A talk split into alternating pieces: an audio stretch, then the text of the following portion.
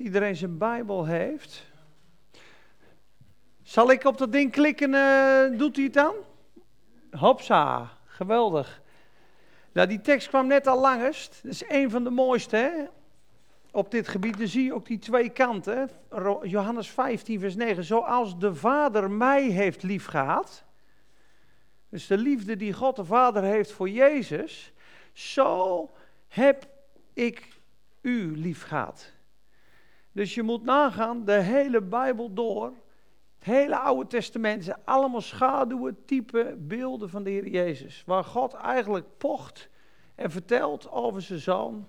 Dit is hoe mijn zoon is. Hij is als fijn bloem. Hij is zuiver. Hij is als olie. Hij is als een parel. Hij is als een lelie. Hij is als een schat. Hij is als een Isaac die hele Bijbel door is God eigenlijk Jezus aan het beschrijven. En dat het het, het beste en het liefste en het mooiste is in de goddelijke connectie. Dus de Vader heeft, ze zeggen ook als je niet weet hoeveel liefde God de Vader voor Jezus had, zul je ook nooit de liefde voor God voor jou verstaan, want Hij heeft Hem voor jou opgegeven. Als Jezus niet veel voor God betekende, dan was het niet zo'n groot offer. Maar Jezus is de zoon van zijn liefde, het object van Gods liefde hoort hem. Dit is mijn geliefde zoon in wie ik mijn welbehagen heb. Dus de hele Bijbel door wordt er gepraat over de schoonheid van Jezus. En die Jezus heeft God voor ons opgeofferd. En er staat dus zoals de Vader mij heeft liefgehad, met volmaakte liefde, zo heb ik u ook liefgehad. Blijf doorgaan in mijn liefde. Dat is stap 2. Je hebt hem ontvangen, blijf doorgaan in mijn liefde. En dan 1 Johannes 3, vers 16 heb ik gezet op het scherm. Hierdoor doorgronden wij de liefde van God, dat Hij voor ons zijn leven heeft gegeven. Dus het afleggen van je leven is het grootste offer wat je kan geven aan God. Ik geef u mijn leven, ik geef u mijn tijd, ik geef u mijn hart. En Jezus gaf zijn heerlijkheid. Hij legde zijn heerlijkheid af en werd mens en is gehoorzaam geworden tot in de dood. Ja, de dood van het kruis. Filippenzen 2 zegt dat, hè. Daar hij de zoon was, of daar hij God was, heeft hij het geen... Uh, wat staat er nou? Ah, laten, we, laten we trouwens maar even lezen. Filippenzen 2. Even een zijtak. Hij heeft het geen roof geacht, staat er. Om tijdelijk niet als zoon van God te fungeren, maar als mens. Dus de allerhoogste majesteit heeft zich ten diepste vernederd. En dan begin ik in vers 5, Filippenzen 2, vers 5. Laat daarom die gezindheid, dat gedachtegoed in u zijn, die ook in Christus Jezus was.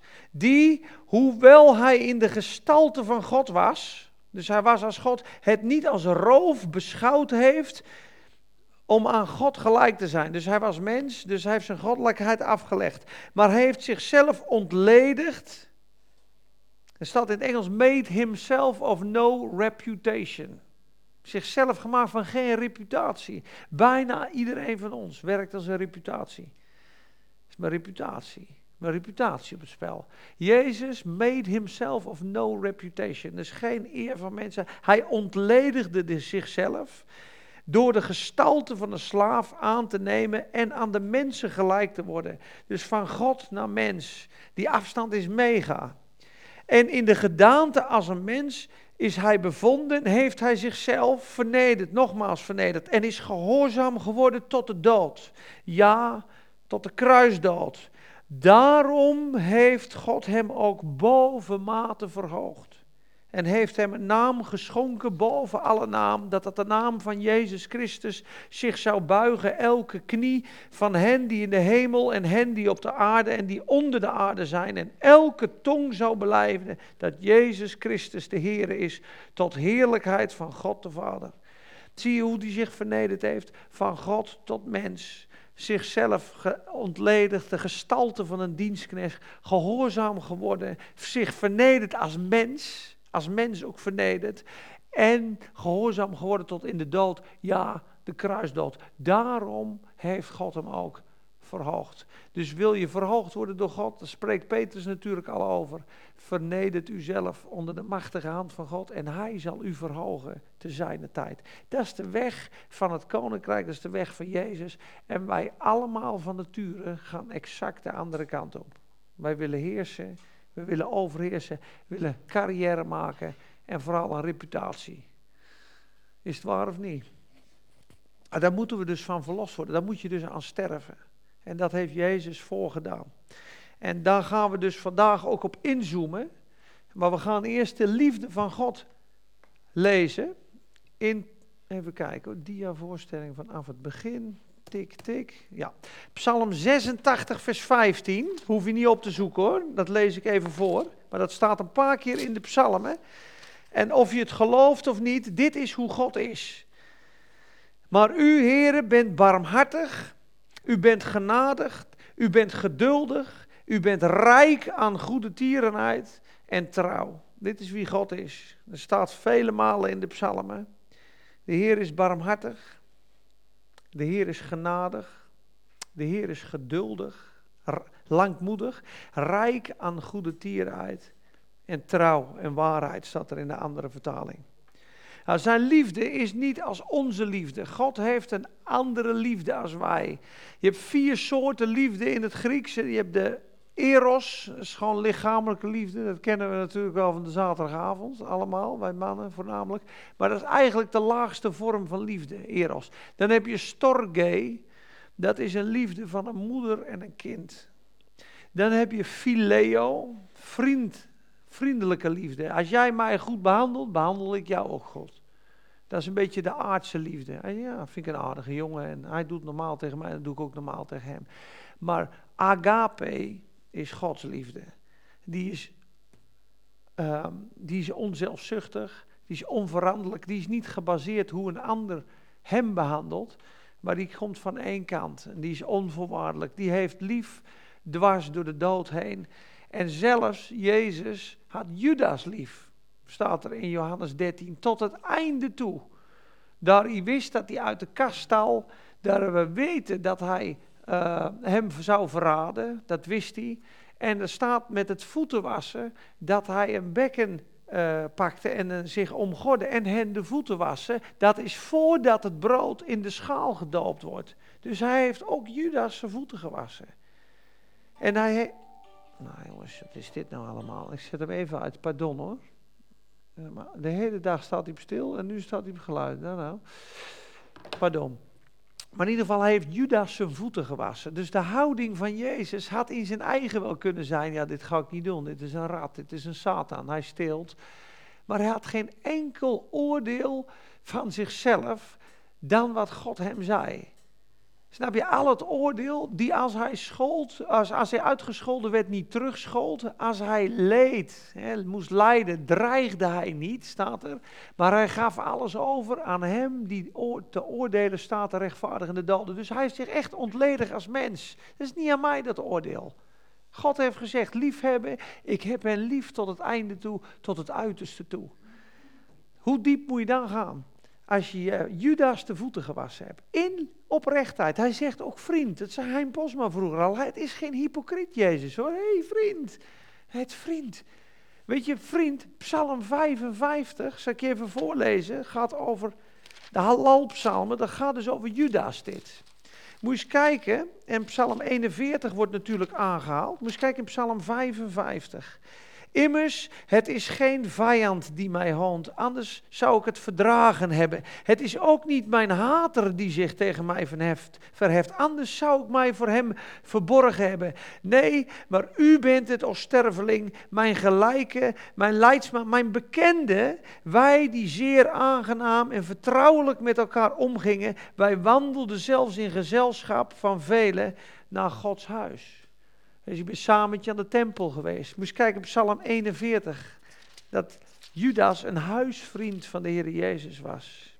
Zelfs de man met wie ik in vrede leefde, op wie ik vertrouwde, die mijn brood at, heeft mij hard nagetrapt.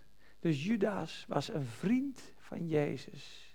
Ze gingen samen naar de kerk, samen naar de tempel. Ze deelden vertrouwelijke dingen. Ze aten brood aan de tafel. En daarom zegt hij, vriend, waartoe zijt gij hier?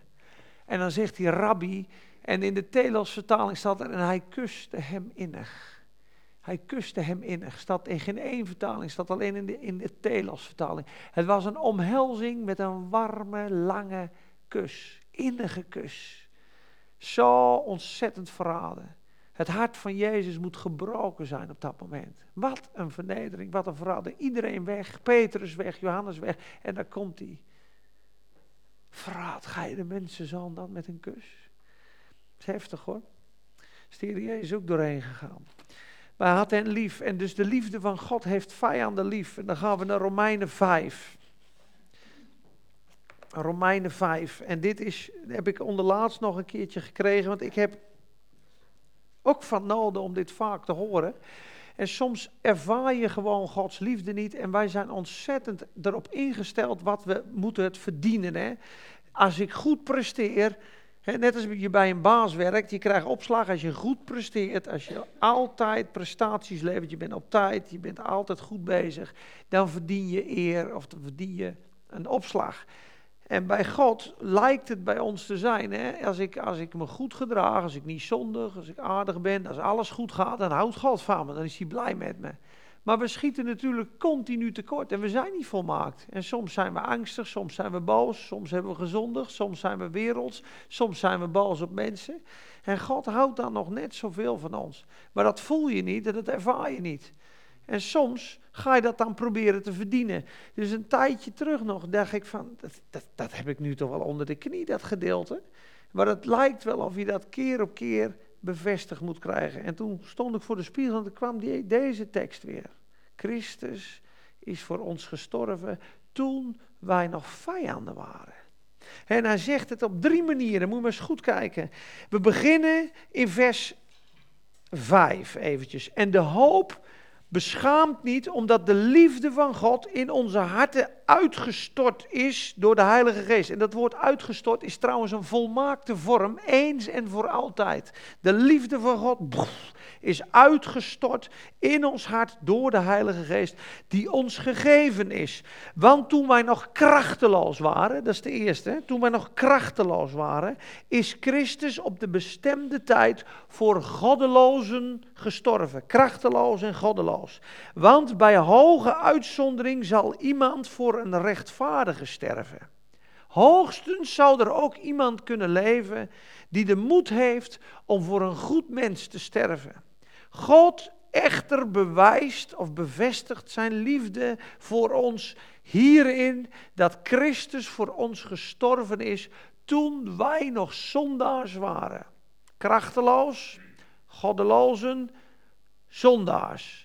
Dus toen je aan het liegen was, toen je aan het roven was, toen je aan het stelen was. Let op, lezen we verder. Veel meer dan zullen wij, nu wij gerechtvaardigd zijn, schuldeloos verklaard, door zijn bloed, door hem behouden worden van de toorn. Want als wij, toen wij nog vijanden waren, zie dat is de vierde, krachteloos, goddeloos, zondaars, vijanden. Toen wij nog vijanden van God waren zijn wij verzoend door de dood van zijn zoon. Hoeveel te meer zullen wij behouden worden door zijn leven nu wij verzoend zijn. Dus nu zijn we zijn kinderen. Hoeveel te meer zal God barmhartig over ons zijn. Dus je moet nagaan, laten we zeggen qua zonde, even op een schaal van 1 tot 10. Op het moment dat wij op onze diepste zonde waren, dus min 10, we waren echt aan het hoeren, sloeren, liegen, hatende. We lezen het straks in Titus. We waren hatende, eh, in brasserijen wandelende. Nou ja, de meest, laten we zeggen, de meest zwarte zonde. Op dat punt had God ons lief. Ik weet zelfs dat ik heel veel drugs op had en heel diep in de zonde was in een discotheek. En heel veel mensen zullen dan zeggen, ja, dat was zeker van de drugs. Maar ik weet dat het niet de drugs was. Dat er een licht omscheen in de discotheek om zes uur s ochtends. En dat ik zei, in Spakenburg, of, of ben je hier ook? En het was totale rust en vrede. En het was net of God zei, hoe diep je ook bent, weet je. Op dit punt van je diepst van je zonde zal ik nog mijn liefde aan je tonen.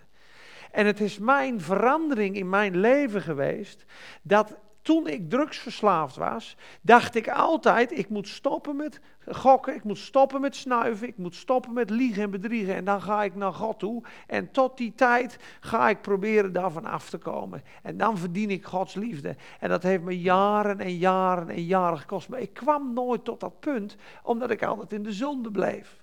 Totdat één keer iemand tegen mij zei, en daar praatte ik dan op zaterdagavond mee, die zei, luister, als je nou straks bij je vrienden zit te snuiven, over een paar uur, dan zijn mijn gebeden met jou. En toen sprong er een vreugdevuur in mijn hart. Toen dacht ik, hè, is hij niet boos op mij? Bidt hij gewoon terwijl hij weet dat ik al ga zondigen? Dat is de bovennatuurlijke liefde. En toen was ik die dag zelfs nog aan het gebruiken. En in dat gebruiken kwam die stem. En nog zijn mijn gebeden met jou. En dan kun je het eigenlijk loslaten bij God. Van zie je God, ik ben smerig, ik ben vies, ik ben zondig. Maar dat maakt u niet uit. En dat heb ik meerdere malen gekregen. En dat is het startpunt geweest tot de ommekeer. Dat je op het diepst van je zonde heeft hij je lief. Dus stel je voor dat we min 10 waren. We zijn nu bekeerd. We kunnen eigenlijk kun je niet meer stelen. Dat lukt niet meer. Dat, dat zou nog kunnen, maar dat, je moet een hele grote drempel over. Liegen doen we nog wel eens, zo'n leugentje. Maar hatende, bedriegende, rovende stelen, dat zijn we eigenlijk niet meer. Daar zijn we van verlost. We hebben natuurlijk nog onze hoogmoed en onze allerlei onze tekortkomen. Maar laten we dat eventjes stellen dat het van min 10 naar min 4 gegaan is. En de Satan klaagt ons nu aan. Ik heb vanmiddag nog nagedacht toen ik naar de Albert Heijn ging. Voordat wij tot Christus kwamen, werden we eigenlijk nooit zo aangeklaagd in die manier. Op het moment dat Satan tegen een zondaar gaat zeggen: Hé, hey, jij hebt zonde, jij hebt zonde, jij gaat naar de hel. Dan is de kans dat zo'n zondaar een redder gaat zoeken is groot. Dus hij zegt tegen een zondaar: Met jou is niks aan de hand. Je bent gewoon een goed mens. Je doet toch niks fout. Je moordt niet. Je rooft niet.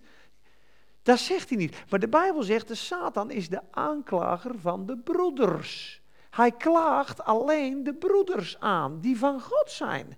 Dus nu, van min 10 ben je op min 4, staat hij de hele dag in je oor te tetteren. Wat je allemaal fout doet. Dat is, kan natuurlijk nooit God zijn. En Gods liefde kan nooit verspild worden. Dat zegt het vers duidelijk. Want hij zegt, toen we nog vijanden waren, vers 10, Romeinen 5, vers 10, zijn we al verzoend door God. Door de dood van Jezus, door de dood van zijn zoon. Hoeveel te meer, nu we zijn kinderen zijn, zullen we verlost worden van de toorn. Door het leven van Jezus, door de opstanding. Snap je dat? We hebben nu ook de verlossing verkregen. Dus nu kunnen we nooit meer Gods liefde verspillen door onze daden. En daar kwam ik weer achter in de badkamer. Denk, ja jongen, dat, dat is het toch? Het kan toch helemaal niet? Hij had me lief op het meest zwarte punt. Ik ben niet meer zwart. Ik kan wel half zwart wezen, prima. Ik ben grijs, prima. Ik ben onderweg. Maar hij heeft mij lief. Hij had me toen al lief. Laten we het maar lezen in Titus. Ik heb die er niet bij gezet, maar Titus is heel mooi hier ook in. Titus 3. Peter Titus. Het is jammer dat hij er niet is.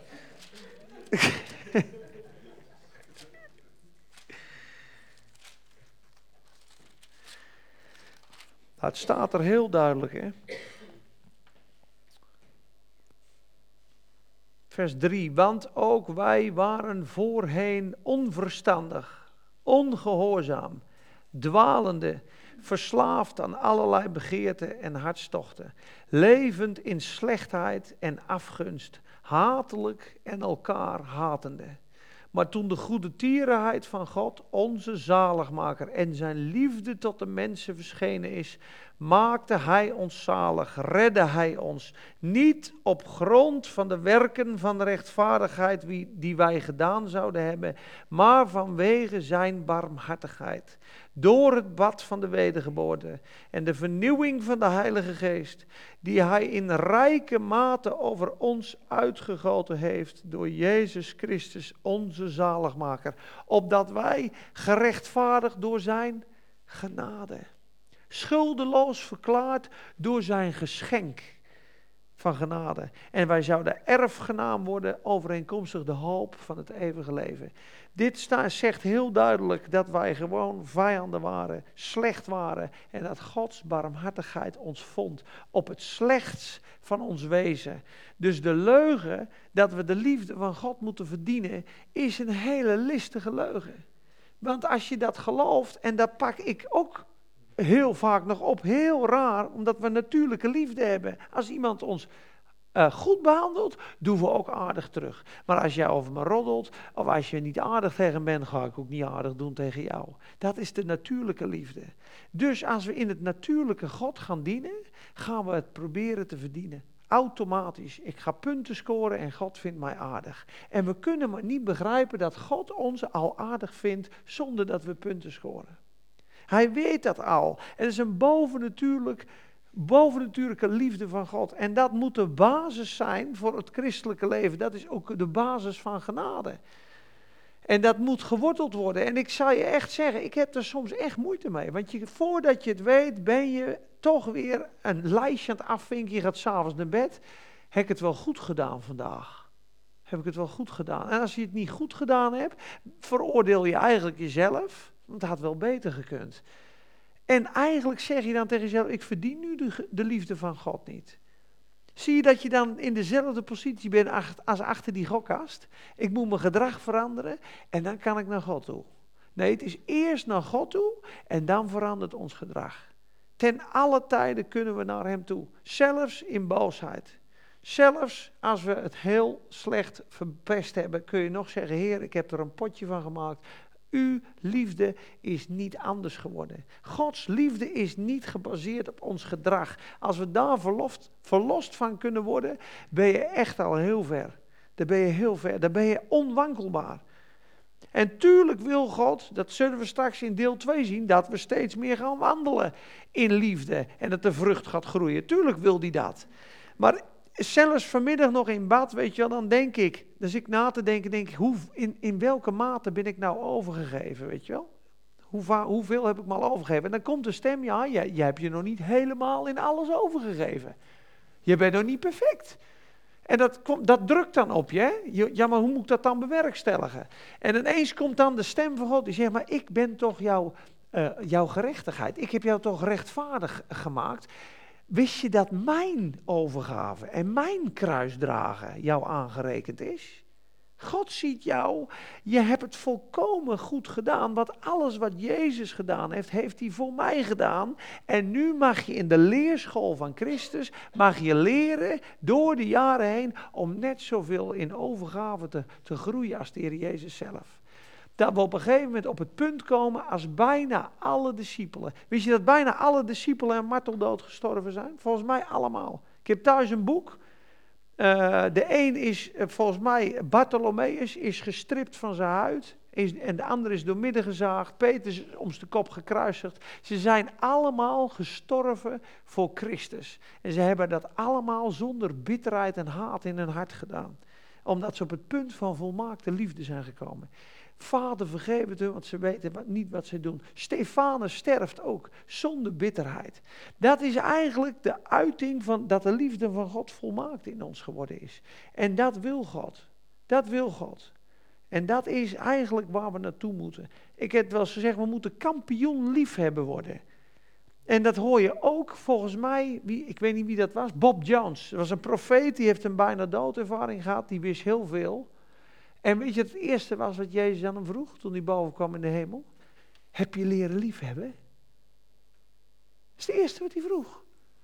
heeft u leren liefhebben? Dat is wat. Heeft u leren liefhebben? Dat is de hele school van dit leven is leren liefhebben.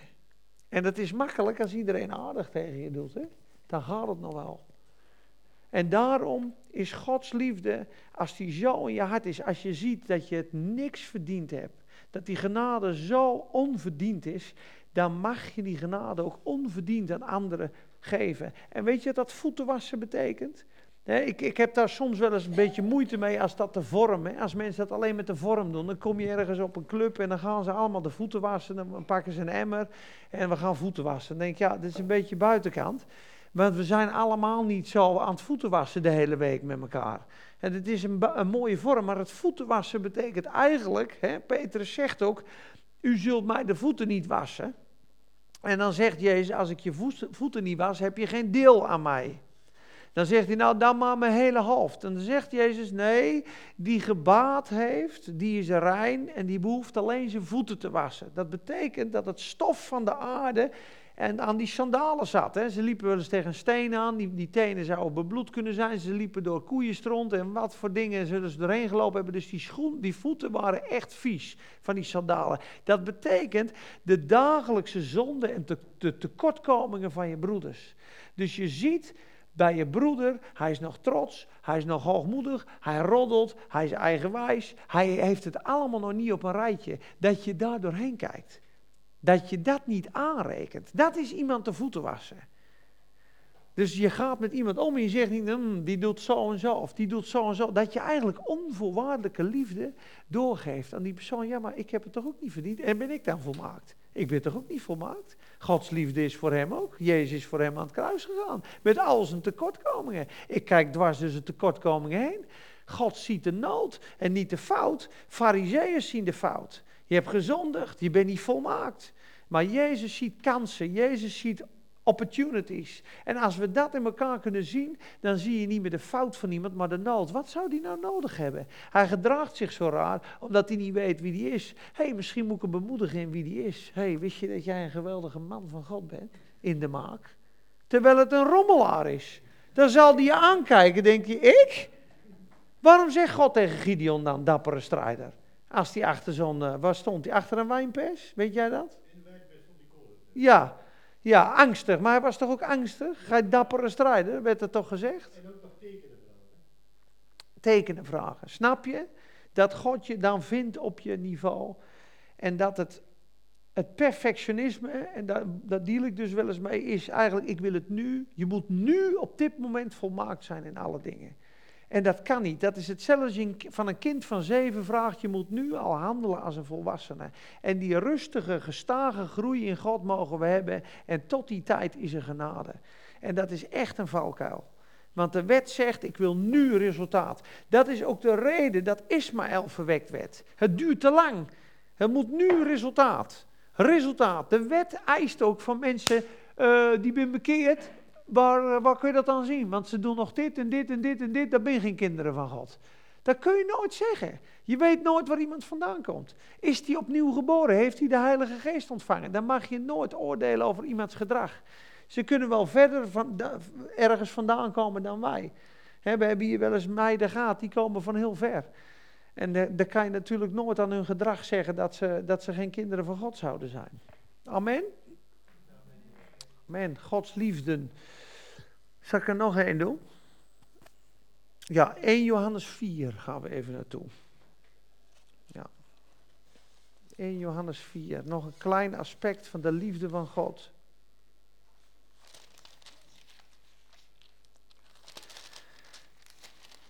Dat het allemaal bij God vandaan komt. Ook lezen we dat in Johannes 15. Hè? Niet ik, niet u heeft mij uitgekozen, ik heb u uitgekozen dat gij zoudt gaan, dat gij zoudt vrucht dragen en dat uw vrucht zou blijven. Hierin is mijn Vader verheerlijk dat gij veel vrucht draagt. Hier lezen we in 1 Johannes 4, vers 9 tot 11. Hierin is de liefde van God aan ons geopenbaard, dat God zijn enige geboren zoon in de wereld gezonden heeft, opdat wij zouden leven door hem. Hierin is de liefde. Niet dat wij God hebben liefgekregen, maar dat hij ons heeft liefgehad en zijn zoon zond als verzoening voor onze zonden. Geliefden, als God ons zo heeft liefgehad, moeten wij ook elkaar liefhebben. Zie je dat hij er maar achteraan komt? Gods liefde blijven mijn liefde. De liefde, de liefde voor een ander. Kijk, als je in dit hoofdstuk verder leest, die zie je straks ook, vers 20. Als iemand zegt, ik heb God lief en hij zou zijn broeder haten, dan is hij een leugenaar. Want hoe kan iemand God lief hebben als hij zijn broeder niet lief heeft, die hij ziet? Want wie zijn broeder die hij ziet niet lief heeft, hoe kan hij God lief hebben die hij niet gezien heeft? Is wat, hè? Of niet? De volgende is deze. Ken je die tekst? Jawel toch? Ja, maar dit is de meest bekende tekst in de Bijbel, maar wel de meest rijke. En weet je wat er dan gebeurt? Die kennen we al, dus die parkeren we maar. Ik heb bijna nooit een preek gehoord over dit vers. Omdat iedereen hem kent. 1 Korinthe 13, daar kennen we het hoofdstuk van de liefde. Maar zoom maar eens in. Ik hoorde vanmiddag nog een prediker zeggen, dit vers, als je in China komt, als je in welk land er komt, je weet niks van je Bijbel en je deelt dit vers. Dit zal ze voor de eeuwigheid redden. Het is het rijkste vers in de hele Bijbel. 25 woorden. Want al zo, al zo, al zo lief had God de wereld. De wereld alles om dat hij zijn enig geboren zoon gegeven heeft, opdat een ieder die in hem gelooft niet verloren gaat, maar eeuwig leven heeft. En toen zei hij, het gaat niet veel dieper dan dit. En toen dacht ik, nou, het wordt, het wordt een beetje oppervlakkig en klakkeloos, zo'n tekst, die ken ik wel. Maar als je hier dus dieper over nadenkt, dat God aan zijn vijanden het allerbest, zijn enige geboren zoon geeft.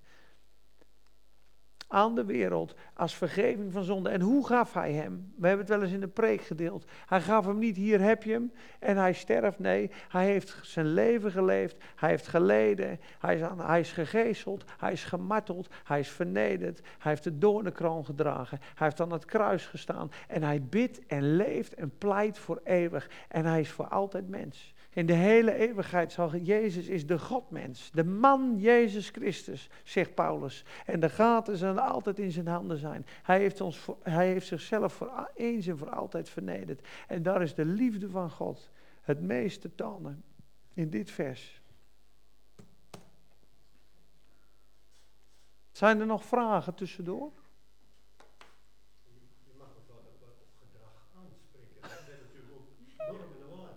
Tuurlijk.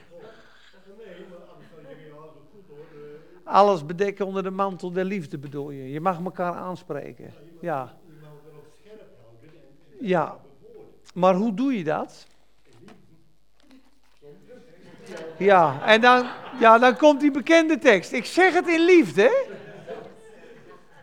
Ja, maar dat klopt. Nee, we zitten nou, weet je, hier staat hij mooi. Broeders, als ook iemand onverhoeds tot enige overtreding komt, gelaten 6 vers 1, moet u die geestelijk bent, zo iemand weer terechtbrengen in een geest van zachtmoedigheid.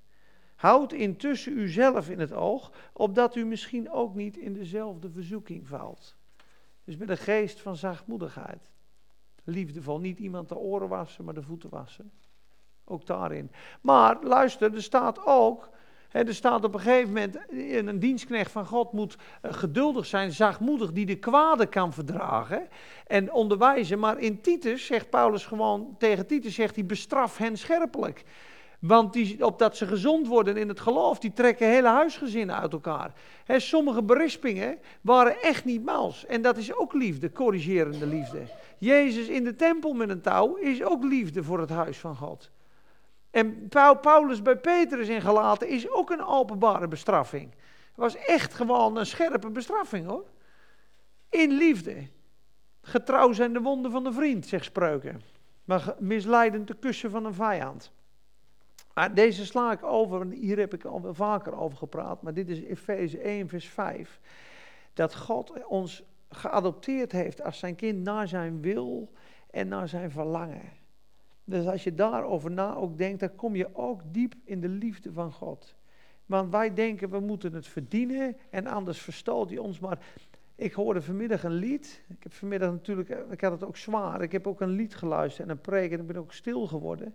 En op een gegeven moment hoorde ik een lied dat God wil ons. Hij wil ons. Hij is verliefd op ons. Hij wil met ons trouwen. Naar zijn wil en verlangen heeft Hij ons geschapen tot zijn kinderen te worden, tot zijn bruid te worden. Ik wil dat je mijn kind wordt. Ik verlang dat je mijn kind wordt. En dan heb ik de volgende gezegd en dan gaan we naar Hooglied. moet je eens kijken. Eeuwige, onveranderlijke liefde in Hooglied. Dit heb ik dus mogen ontdekken en sommigen van jullie weten dit al, maar ook sommigen niet. Ik zal je vertellen, Hooglied heb ik een, uh, heb ik een audiobijbel van. In het Engels. Dus ik ben die Bijbel aan het luisteren. En ze hebben dat dusdanig goed gedaan in een rollenspel dat de stem van de bruidegom is een man en die van een vrouw is een vrouw. Dus ik hoorde elke keer wie wat zegt. Dus ik ben dat zo aan het luisteren. En die man op dat bandje zegt veertien keer zegt hij wat. En veertien keer zegt hij alleen maar dit. Moet eens kijken, als je het meeleest, het is echt geweldig. Hooglied, zegt hij veertien keer zegt hij wat en veertien keer is het enkel en alleen liefde en bemoediging en bemoediging en liefde. En ik denk, nou, ik dacht vroeger, dat staat er een keer of drie. In hoofdstuk 4, in hoofdstuk 6, in hoofdstuk 2. Ik denk, nou, dat staat wel. Ja, u bent volmaakt, u bent lief, u bent schoon. En toen denk ik, nou, dat is echt onvoorstelbaar. Door de hele hoogliedbrief heen. Hoofdstuk 1, vers 15. Of hoofdstuk 1, vers 9. Mijn vriendin. Ik vergelijk u met de paarden voor de wagens van Farao. Sprongetje, vers 15. Zie, u bent mooi, mijn vriendin. Zie, u bent mooi. U bent prachtig, staat er eigenlijk. Uw ogen zijn als duiven. Zie, u bent prachtig, mijn liefste. Ja, u bent lieflijk. Hoofdstuk 2, vers 2. Als een lelie tussen de distels. Zo is mijn vriendin. 2 vers 10. Sta op, mijn vriendin, mijn allermooiste en kom. Sta op, mijn vriendin, mijn allermooiste. Hoofdstuk 4, dan begint het helemaal mooi te worden hoor. Zie, u bent prachtig, mijn vriendin. Zie, u bent prachtig, uw ogen zijn als duiven. Alles aan u is mooi, mijn geliefde, mijn vriendin. Er is geen enkel gebrek aan u. U hebt mijn hart veroverd, mijn zuster, mijn bruid. U hebt mijn hart veroverd. Dat zegt God tegen ons met één blik van uw ogen. Dus God is zo verliefd. Hoe mooi is uw liefde, mijn zuster, mijn bruid. Hoofdstuk 4, vers 10. Hoeveel beter is uw liefde dan wijn. U bent een gesloten tuin, mijn zuster, mijn bruid. En nu begint hij mijn volmaakte. Begint hij te zeggen in hoofdstuk 6, vers 4. Mooi bent u. Mooi bent u als Tirza, bekoorlijk als Jeruzalem. Uh, oh nee, wacht, hoofdstuk 5, vers 2. Doe mij open, mijn zuster, mijn vriendin, mijn duif, mijn volmaakte.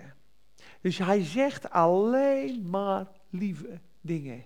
Geen berisping, geen verwijt. Het enige wat die bruidegom doet, je bent echt mooi.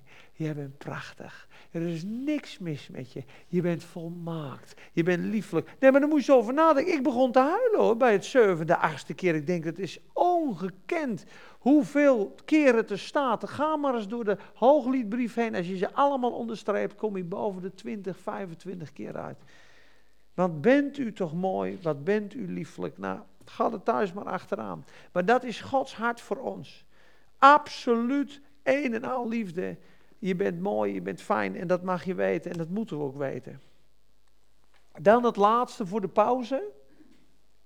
Ja, dit vind ik een hele mooie. De onafscheidelijke, onveranderlijke en eeuwige liefde van God. Het is niet te keren. En dit is een prachtig vers. Dit is een van mijn favoriete versen uit de Bijbel. 2 Timotheus 1, vers 9. Het is echt een schitterend vers. En dit sluit ook alle twijfel en angst buiten. En het broertje, Titus 1, vers 2 en de bevestigingen Romeinen 8 en 5, die zullen dat laten zien. Dan zullen ze allemaal even lezen. Als een fundament. Want je kan dus geloven, God heeft mij lief. God heeft mij nu lief, ik heb eeuwig leven. Maar er zijn heel veel leerlingen die zeggen, nou ja, eeuwig leven. Maar je moet wel uh, volharden tot het einde toe. En dat eeuwige leven kan je ook kwijtraken. Ja, een eeuwig leven is geen eeuwig leven. En als je duidelijk in, straks in Romeinen leest, het moment dat God je redt, verzegelt hij je jou met zijn geest. En in zijn eeuwige raad kende hij je al van tevoren en heeft hij je ook al in de eeuwigheid gezet. Die span kun je hier lezen in 2 Timotheus 1. Let maar eens op. Vers 9. 2 Timotheus 1. Hij heeft ons gered. Hij heeft ons zalig gemaakt en geroepen met een heilige roeping. Niet overeenkomstig onze werken, maar overeenkomstig zijn eigen voornemen en genade. Die genade is ons gegeven in Christus Jezus voor de tijden der eeuwen. Wanneer is die genade gegeven? Voor de tijden der eeuwen. Toen was je nog niet eens geboren.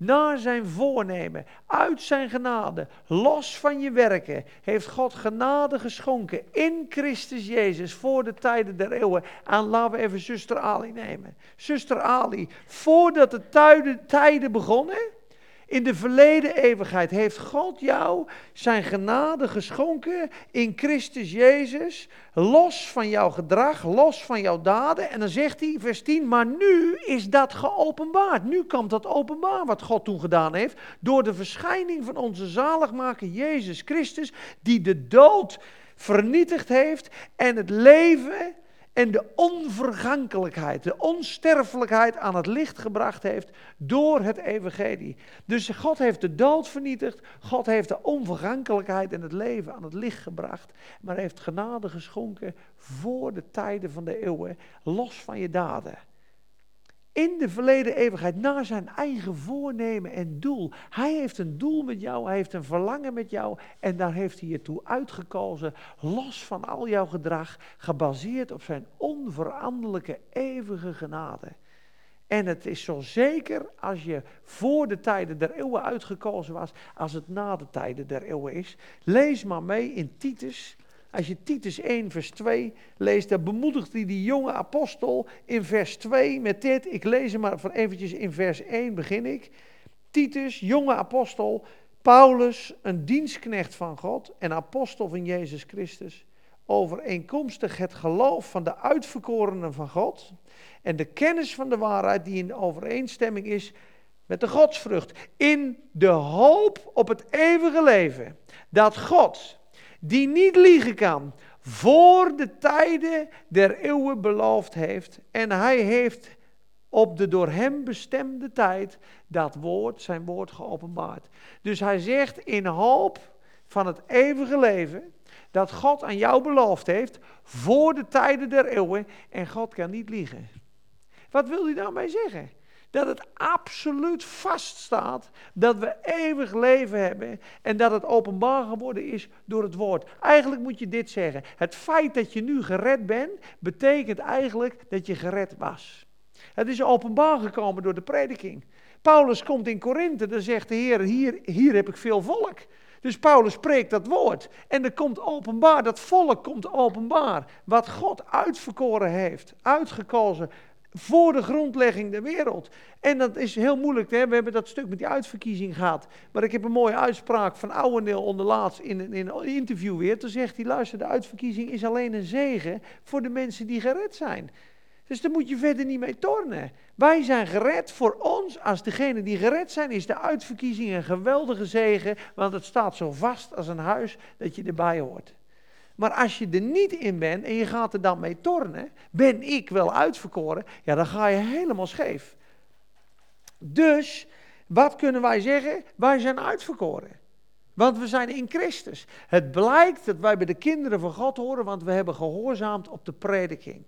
En daarom staat er in Handelingen 13, zoveel als opgetekend waren ten eeuwige leven, zoveel geloofden. Dat is apart, hè? Maar in de raad van God is dit een machtige zegen. Want daar kan je niet meer uit. Amen. We hebben eeuwig leven. Kijk maar in Romeinen 8, en doen we alleen het laatste stuk, vers 35 en dan 38, 39. En ik ben dus een serie aan het luisteren van Martin Lloyd Jones, die vers voor vers door Romeinen heen gaat. Daar heb ik een app van. Er is trouwens een app, als je Engels kan, dat is een MLJ, MLJ, dus Marinus Leo Johannes, MLJ Trust. Als je die app downloadt, het is uit 1960. Hij praat een beetje Engels.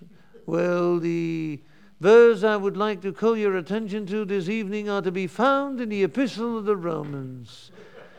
Zo praat hij, maar hij heeft 30 jaar lang op vrijdagavond het boek Romeinen behandeld. En hij, ze noemden hem de dokter. En hij was dus dokter in het Koningshuis van Engeland. Die was zeer begaafd, alleen hij is in de bediening gegaan. Iedereen zei, je bent gek. Hij zei, nee, maar toen heb ik het gevonden. En zijn inzicht in de schrift stond hij onbekend om het uitleggen. En hij heeft dus Romeinen Vers voor vers heeft hij behandeld in 30 jaar. En Romeinen 8 heeft hij dus 75 preken alleen over Romeinen 8. Over, over, over, vers 16 heeft hij 14 preken. Over vers 28 heeft hij 18 preken over één vers. En dan diept hij hem helemaal uit vanaf hoofdstuk 4 tot hoofdstuk 8. En dan zegt hij wat Paulus eigenlijk doet, is de leer van de volharding van de heilige, is die bekendmaken als een pastor. En elke mogelijke objectie of tegen, tegen, uh, tegenslag tegen die verlossing is Paulus aan het nagaan. Kan het dan door de besnijdenis? Kan het door Abraham? Kan het door geloof? En als hij ze allemaal gehad heeft, komt hij bij Romeinen 8. Zou je dan gescheiden worden kunnen van de liefde van Christus? Zou je verdoemd worden van Christus? Christus is voor u bid. En dan, maar, en dan het laatste is en zelf dan? Zou het door, door jezelf kunnen komen? En elk mogelijke manier dat een christen af zou kunnen vallen van God, daar gaat Paulus eh, wat over schrijven en dat bewijst hij keer op keer op keer. God kan het niet harder zeggen, God kan het niet duidelijker zeggen. Een kind van God is een kind van God. En dat is vast en zeker. Nog hoogte, nog diepte, nog heden, nog toekomst, nog krachten, nog machten, nog engelen, nog enig ander schepsel. Waarom haalt hij al die lijnen aan?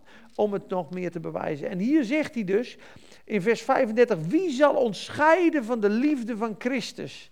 Zal verdrukking, zou benauwdheid, zou vervolging of honger of naaktheid en zwaar. En toen zei hij, stel je voor dat ze je hersenspoelen. Dus ze zetten je op een stoel met een felle lamp op je gezicht. En ze gaan je hersenspoelen. En het gaat door en gaat door. En je zou knakken, je zou hersenspoeld worden. Dan zou je dus eigenlijk dat geloof zou je verliezen. Niets kan je scheiden van zijn liefde. Dat staat vast. Het is niet gebaseerd op jouw gedrag, maar op de trouw en de eer van God aan Christus. Het is, daar staat hier, niets kan ons scheiden van de liefde van Christus, van God, welke is in Christus. En hier zie je de liefde van Christus, vers 35. Hè? Niets kan ons scheiden van de liefde van Christus. Dan, vers 38. Want ik ben ervan overtuigd dat nog dood, nog leven, nog engelen, nog overheden, nog krachten, nog tegenwoordige dingen, nog toekomstige dingen, wat er ook gebeurt, heden of toekomst, nog hoogte, nog diepte, nog enig ander schepsel, dus ook niet jezelf, ons zal kunnen scheiden van de liefde van God. Welke is in Christus Jezus onze Heer. Dus alle mogelijke manieren en alle mogelijke angsten die er zouden kunnen zijn, in het menselijk brein om af te vallen van Gods liefde worden van door Paulus behandeld vanaf hoofdstuk 4 tot hoofdstuk 8. Vers voor vers voor vers voor vers voor vers voor vers voor vers voor vers. Wat wil hij zeggen? Het is vast, het is zeker, het is eeuwig, het is veilig. En dat is de basis. Amen. Amen. Ja, dat deed ik nu even voor de snelheid. Ja, zo is er dan geen de mooiste is, zo is het dan, want dat legt hij ook uit, hè, die preek. Zo is het dan nu geen verdoemenis voor hen die in Christus Jezus zijn. En wat zei hij dan mee? Je wordt nooit perfect. Not in five minutes, niet over vijf minuten, niet in drie dagen, niet over een maand, niet over een jaar, niet in de hele eeuwigheid. Maar het is nu, op dit moment, is er geen veroordeling voor hen die in Christus Jezus zijn. Amen. En wat staat er? Ja, maar het staat niet in de grondtekst, vers 1. 100%. Die, dat tekstje, die 1, die komt uit vers 4. Ga maar alle vertalingen na, de Naardense, uh, alleen de Statenvertaling en de King James hebben hem. En er staat dus eigenlijk dit, er is geen verdoemenis voor hen die in Christus Jezus zijn, punt. Want, begint hij dan vers 2, de wet van de geest van het leven heeft ons vrijgemaakt van de wet van de zonde en de dood. Want wat de wet niet kon, in dat zij krachteloos was door het vlees, heeft God zijn zoon gezonden in de gelijkheid van zondige vlees en heeft de zonde veroordeeld in het vlees. En nu komt hij, opdat de rechtvaardige eis van de wet vervuld zou worden in ons, die niet wandelen naar het vlees, maar naar de geest. Dus op het moment dat je wandelt naar het vlees, kan God de wet in jou niet vervullen. Maar op het moment dat je zegt, op het moment dat een christen in het vlees wandelt, dus laten we zeggen je maakt een fout, dan zou de verdoemenis van God zijn dan is het niet meer uit genade. Er is geen verdoemenis voor ons omdat we in Christus zijn. Snap je? Lees maar tien vertalingen na, uh, Roel Wim. Je zult zien, negen hebben het niet. En uh, de Engelse vertalingen, alleen de King James en de New King James hebben het. En alle andere vijftien vertalingen hebben het niet. En uh, ook de Telos heeft het niet. En als je het in context leest, denk je, het kan ook niet. Want eigenlijk zou er dan staan, er is geen veroordeling voor hen die in Christus Jezus zijn, zolang als je niet zondigt. Dat staat er dan. Ja, als je maar niet naar het vlees wandelt, want anders is de veroordeling. Dus zolang als je niet zondigt, is geen veroordeling. Nee, natuurlijk is er geen veroordeling als je niet zondigt. Maar het wonder van het evangelie is dat wij in al onze fouten, gebreken en tekortkomingen, ja, met God gemeenschap kunnen blijven houden op grond van het offer en het bloed en zijn voorbeden als hoge priester. Want als het gebaseerd is op mijn gedrag, heb ik niet het recht om met God om te gaan. Want Gods heilige natuur zou mij moeten veroordelen op mijn tekortkomingen. Daar gaat de hele les over. Dan krijgen we, ik moet zijn liefde verdienen. Ik verdien het niet, ik rust op zijn genade. En doordat ik rust, is er een gemeenschap met God. En zegt hij, lieverd, ik heb je zonde gedragen, maar we gaan wel de zonde je leven bannen. We gaan het niet zo laten. Ik ben niet gekomen alleen om ze te vergeven, ik ben gekomen om je van je zonde te verlossen. Om je zalig te maken van je zonde. Maar de eerste stap is dat ik je op wonderlijke wijze een positie geef in mijn tegenwoordigheid. Zonder angst, zonder vrees. Lucas 1, vers 74. Het is geschonken, de zegen van Abraham, dat wij zonder vrees voor hem zouden wandelen. In heiligheid en gerechtigheid al de dagen van ons leven. Is een geschenk. Dat kunnen we niet verdienen, anders gaan we tak. Echt waar. Er is geen veroordeling omdat we in Christus zijn. En niet er is geen veroordeling omdat we perfect in de geest wandelen.